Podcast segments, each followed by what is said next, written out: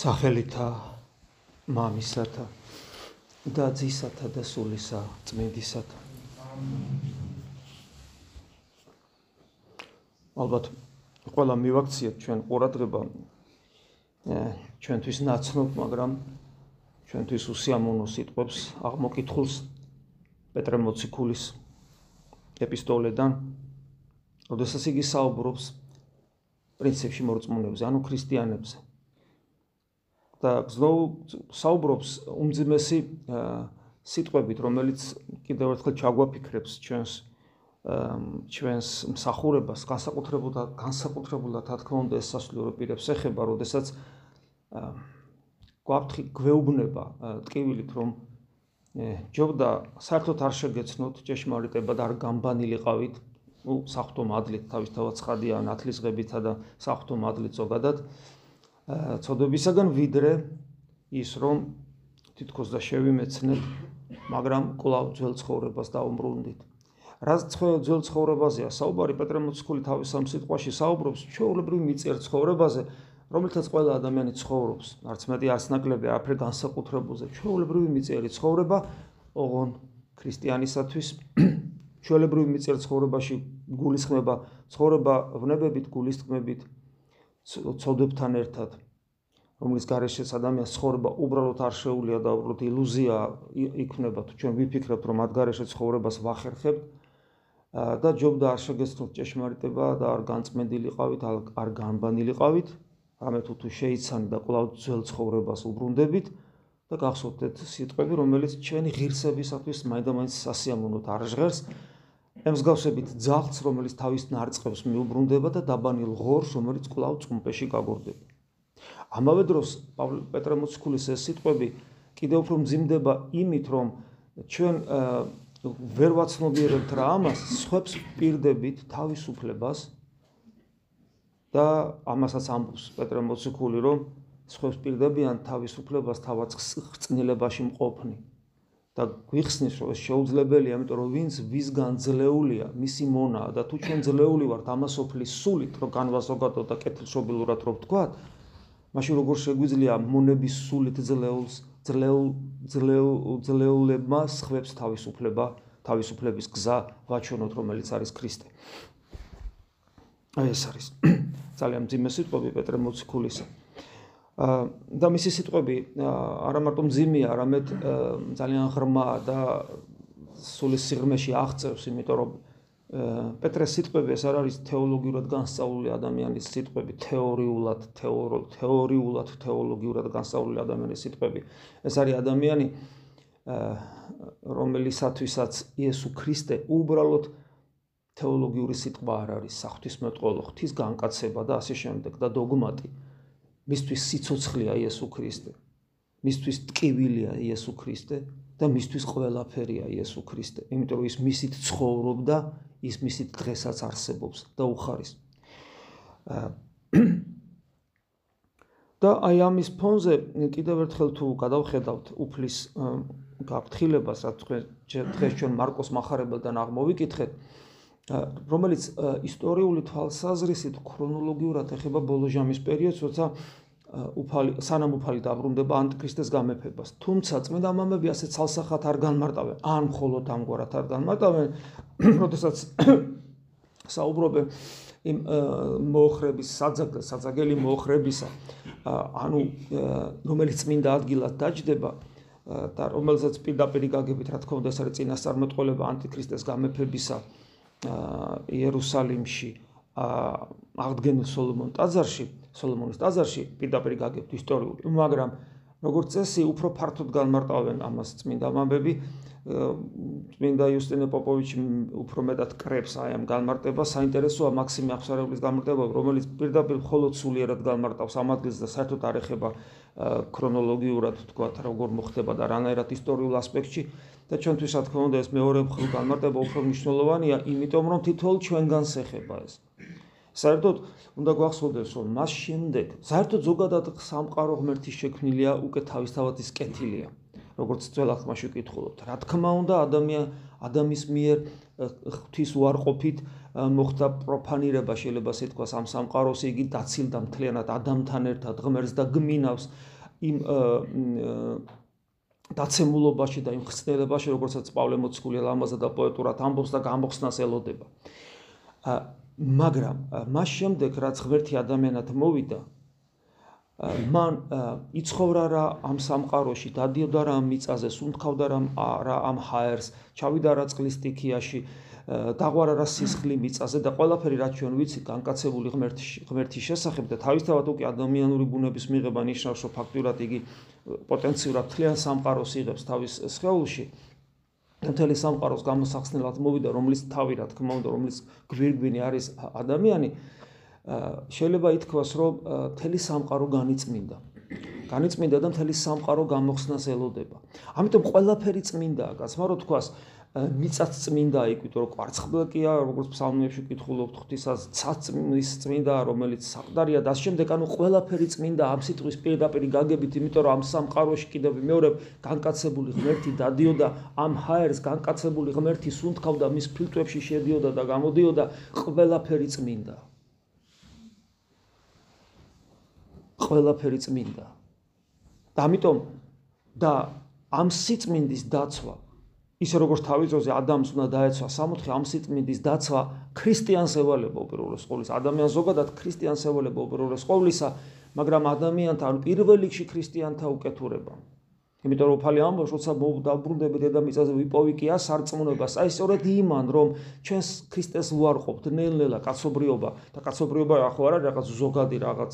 მოცემულობა, ის შედგება ჩემი ჩემისგან, შენისგან, თითოეული ჩვენგანისგან, ხო? ჩვენი ჩვენ უარყოფთ კაცობრიობა უარყოფს კაცობრიობა უარყოფს ჩვენ შიგნით ვიმყოფებით და ამ უბედურების თანამონაწილე ვართ მდგომარეობა მიდის იქამდე რომ უფალი ბრუნ ანტიქრისტე მეფთება, ანტიქრისტე მეფთება და ანტიქრისტეს გამეფების მიზანი საძაგელი მოხრების როცა დადგება იქ, დაждდება იერუსალიმში საძაგელი მოხრებისა დაждდება იმიტომ რომ მანამდე საძაგელი მოხრობისა მოხრებისა ეს არის ამასოფლის სული თავისი ბინძური და არაჯანსაღი გულის სიტყვებით მთელი დემონური სამყარო ჩვენ გავამეფეთ უკვე ყველგანს რაც სიწმინდია ყველგან აბსოლუტურად. ამ სამყაროში რომელიც თავისთავად განწმენდილი იყო განკაცებული ღმერთის მოვლენებით კიდევ მეორე ყველაფერი წმინდა სამყარო სამყაროში დაარსებული საოცარი ღმერთკაცობრივი ორგანიზმი ქრისტეს მისტიური სხეული ეკლესია და წმინდა მამები ამბობენ რომ სამყაროშიც ეკლესიაშიც ყველგან ვამეფებთ ჩვენ საძაგელ მოხრებისას და ყველაფერი იწყება იმით, რომ ჩვენ მას ვამეფებთ საკუთარ თავში და გონებაში, გონებას არ გულისხმობ ახლა ინტელექტს ამ შემთხვევაში, გონებაში, რომელთაც ჩვენ ღმერთი უნდა შეგვემეცნებინა, სწორედ იქ გავამეფეთ, იქ ვამეფებთ, იქ არის წამომჯდარი და ამიტომაც არის როგორი თითქმის შეუძლებელი ხდება, რომ ჩვენ ესე იგი ღმერთს სათნო ვეყოთ. და რა თქმა უნდა ეს ყველაფერი როცა უკვე დადის იმ სიღრმისეულ ინსტრუმენტამდე ღმერთის შემეცნების რომელსაც ქვია გონება, ოდესაც დადის იქამდე რომ სწორედ მასზე ბატონობს და შესაბამისად იგი აკონტროლებს ეს ამასოფლის სული და ეს დემონური სამყარო თელ ჩვენ არსებას და ეს არაჯანსაღი გულისხმები, მე რა თქმა უნდა უკვე ბუნებრივია ჩვენ ჩავიხედებით საკუთარ თავში, გაგვახსენდება ჩვენი თითოეული ჩვენგანი ცხოვრება თუ როგორ ცდილობთ რომ სულერად ვიცხოვრო და არ გამოგვდის როგორ ცდილობთ რომ ჩვენი გონება გავაცოცხლოთ გონიერი იესოს ლოცვით სწორედ გონიერი იესოს ლოცვით ცოცხლდება ადამიანის გონება წყდება აი ამ ინტელექტუალურ ნაწილს ჩადის სიღრმეში და იწევს ქრისტესთან ერთად გულის გაწმენდას ჩვენ ცდილობთ ამის კეთებას მაგრამ მაგრამ აღმოვაჩენთ რომ ეს არც ისე იოლია და აი ეს ყველაფერი რაც არის აღწერილი უკვე მარკოს მახარებელთან, უფრო ვრცლად კიდე მათე მახარებელთან, იმიტომ რომ როცა საუბარია იმაზე, რომ გარაგური განსაცდელი მოდის, როცა საზაგელი მოხრების აგაბატონდება წმინდა ადგილას, ანუ ჩვენში თითოეული ადამიანის შემთხვევაში, როცა აი ეს ამასოფლის სული თავისი მთელი დაცემული ანგელოზებით, არაჯანსაღი გულისხმებით ბატონდება ჩვენს გონებაზე, როგორი საშიში მდგომარეობა აქვს ადამიანს და მე უკვე რასაც არ უნდა აკეთებდეს ყოფითი თუნდაც ის ცოდვა არ იყოს და ჩამოთვლილია ხო თუ იქ სახში ხარ რაღაცა გაქვს ჩამოსატანი ან დასაცმელი ასაღები ან თქვა თქვა ველზე ხარ სახში აღარ მოbrunდე თვით ისეთი მდგომარეობაც კი როგორიც არის ორსულობა თქვა ზუზუსწოვება ანუ ის ყოფითი საქმიანობები რომლებიც ზამთარი რომელიც თითქოს ეს ყველაფერი ცოდვა არ არის ესეც კი პრობლემას ქმნის უკვე ყველაფერი პრობლემას ქმნის იმიტომ რომ ადამიანს მოსასწრებად აქვს. საქმე დიახაც ჩვენ ჩვენი ცხოვრება წუთი სოფელია წამის ყოფა და თუ ჩვენს გონებაზე გაბატონებულია საზაგელი მოხრებისა ჩვენი საქმიანობანი რომელსაც ჩვენ ვაკეთებთ რომელიც თავისთავად თითქოს და ცოდვა არ არის ამ თითქოს და არაცოდვილ საქმიანობას მთელი ცხოვრება მიაქვს. მთელი ცხოვრება მიაქვს ისე რომ ვერ ვასწრებთ გათავისუფლებას იმ საზაგელი მისაგან, რომელიც სულში გვიზის და რომელიც холод ჭეშმარიტი ქრისტიანული სიღრმისეული ღვაწლით, ევქარისტიული ცხოვრებითა და სიხასტური პრაქტიკით ხდება მისი მისგან გათავისუფლება სხვანაირად შეუძლებელია. და ძალიან საინტერესოა მათე მახარებელთა, რომელიც მარკოს მახარებელთან არ არის, ნუ იქნება არა მარტო ზამთარს, იმიტომ რომ ზამთარი კიდე ამ აქაურ ყოფით პრობლემ ერთგვარ დისკომფორტს გულისხმობს, რომელსაც რომელიც ამ სოფელს ახლავს სულიერი თვალსაზრისითაც და პირდაპირ გაგებითაც შაბათს ახსენებს. და ძალიან საინტერესოა აქ შაბათის ხსენება, რა არის შაბათი? შაბათი. შაბათი ეს არის ჩემი რელიგიური ცხოვრება და აი აქ არის სწორედ მინიშნება, რომ იქ წინა მამები განმარტავენ, რომ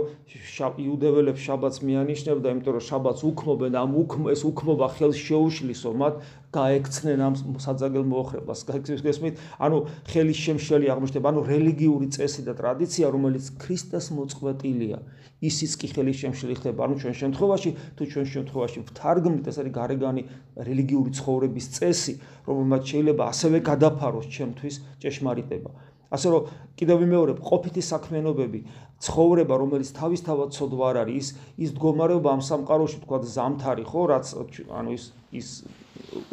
ის გარემო დაცემული სამყაროში რომელიც ძეცსა და ეკალს აღმოასენებს რომელიც თავისთავად ჩემთვის ცოდვა არ არის და სამოღვაწეო ასპარეზია თვით რელიგიური ცხოვრებაც კი ყველაფერი შეიძლება საცდურად მეკცეს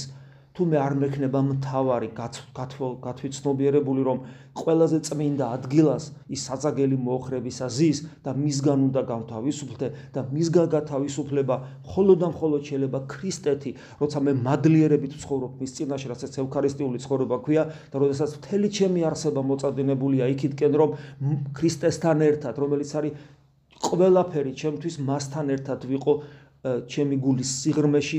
ჩემი გონებით და სწორედ იესო ქრისტე განწმენდ ჩემს გონებასაც, ჩემს გულსაც, თელ ჩემ არსებას და მხოლოდ ამ შემთხვევაში მოხდება ის, რომ საძაგელი მოხრებისა განიდევნება ჩემგან და ჩემთვის უკვე აღარ ხდება ის საშიში და მე რჩეულთათვის დროს შეამოკლებს, ანუ ის ხანგრძლივი დრო ადამიანური ცხოვრებისა, როცა ადამიანი იტანჯება, იტანჯება, იტანჯება, იტანჯება და დასასრული არ უჩას ტანჯვას და იტანჯება ქრისტიანული გაგებით გულისხმობ და არა სული სულის გაგებით, იმ გაგებით, რომლითაც გლოვობს ქრისტიანი, ოღონ არა ამ სოფლის წარუმატ ამ სოფელში წარუმატებლობის გამო, არამედ ქრისტესთან ვერ მიახლების გამო გლოვობს, აი ეს დრო, ტკივნეული დრო შემცირდება. ანუ ამ ცხოვრებაშივე სანამ ხორჩი ვარ, მანამდე ვეიქნება ეს გამონათებები, რომელიც უფრო და უფრო გახშირდება, რომელიც გამონათებებით საფრთხო მადლისა მაგზნობინებს, განმაცდევინებს უფლის საოცარ ტკბილ შეხებას ჩემს გულზე, ჩემთვის სიტყვები ტკბილი ესო იქნება რეალობა, რომელიც მე מחარებს, მაბედნიერებს, მატკბობს და იმ საძაგელ მოხრებისას ჩემგან განსდევნის. ამინ. მადლი უფლისა ჩვენისა, იესო ქრისტესი და სიყვარული ღვთისა და მამისა და ზიარება სული საწმინდისა იყოს თქვენ ყოველთა თან. ამინ.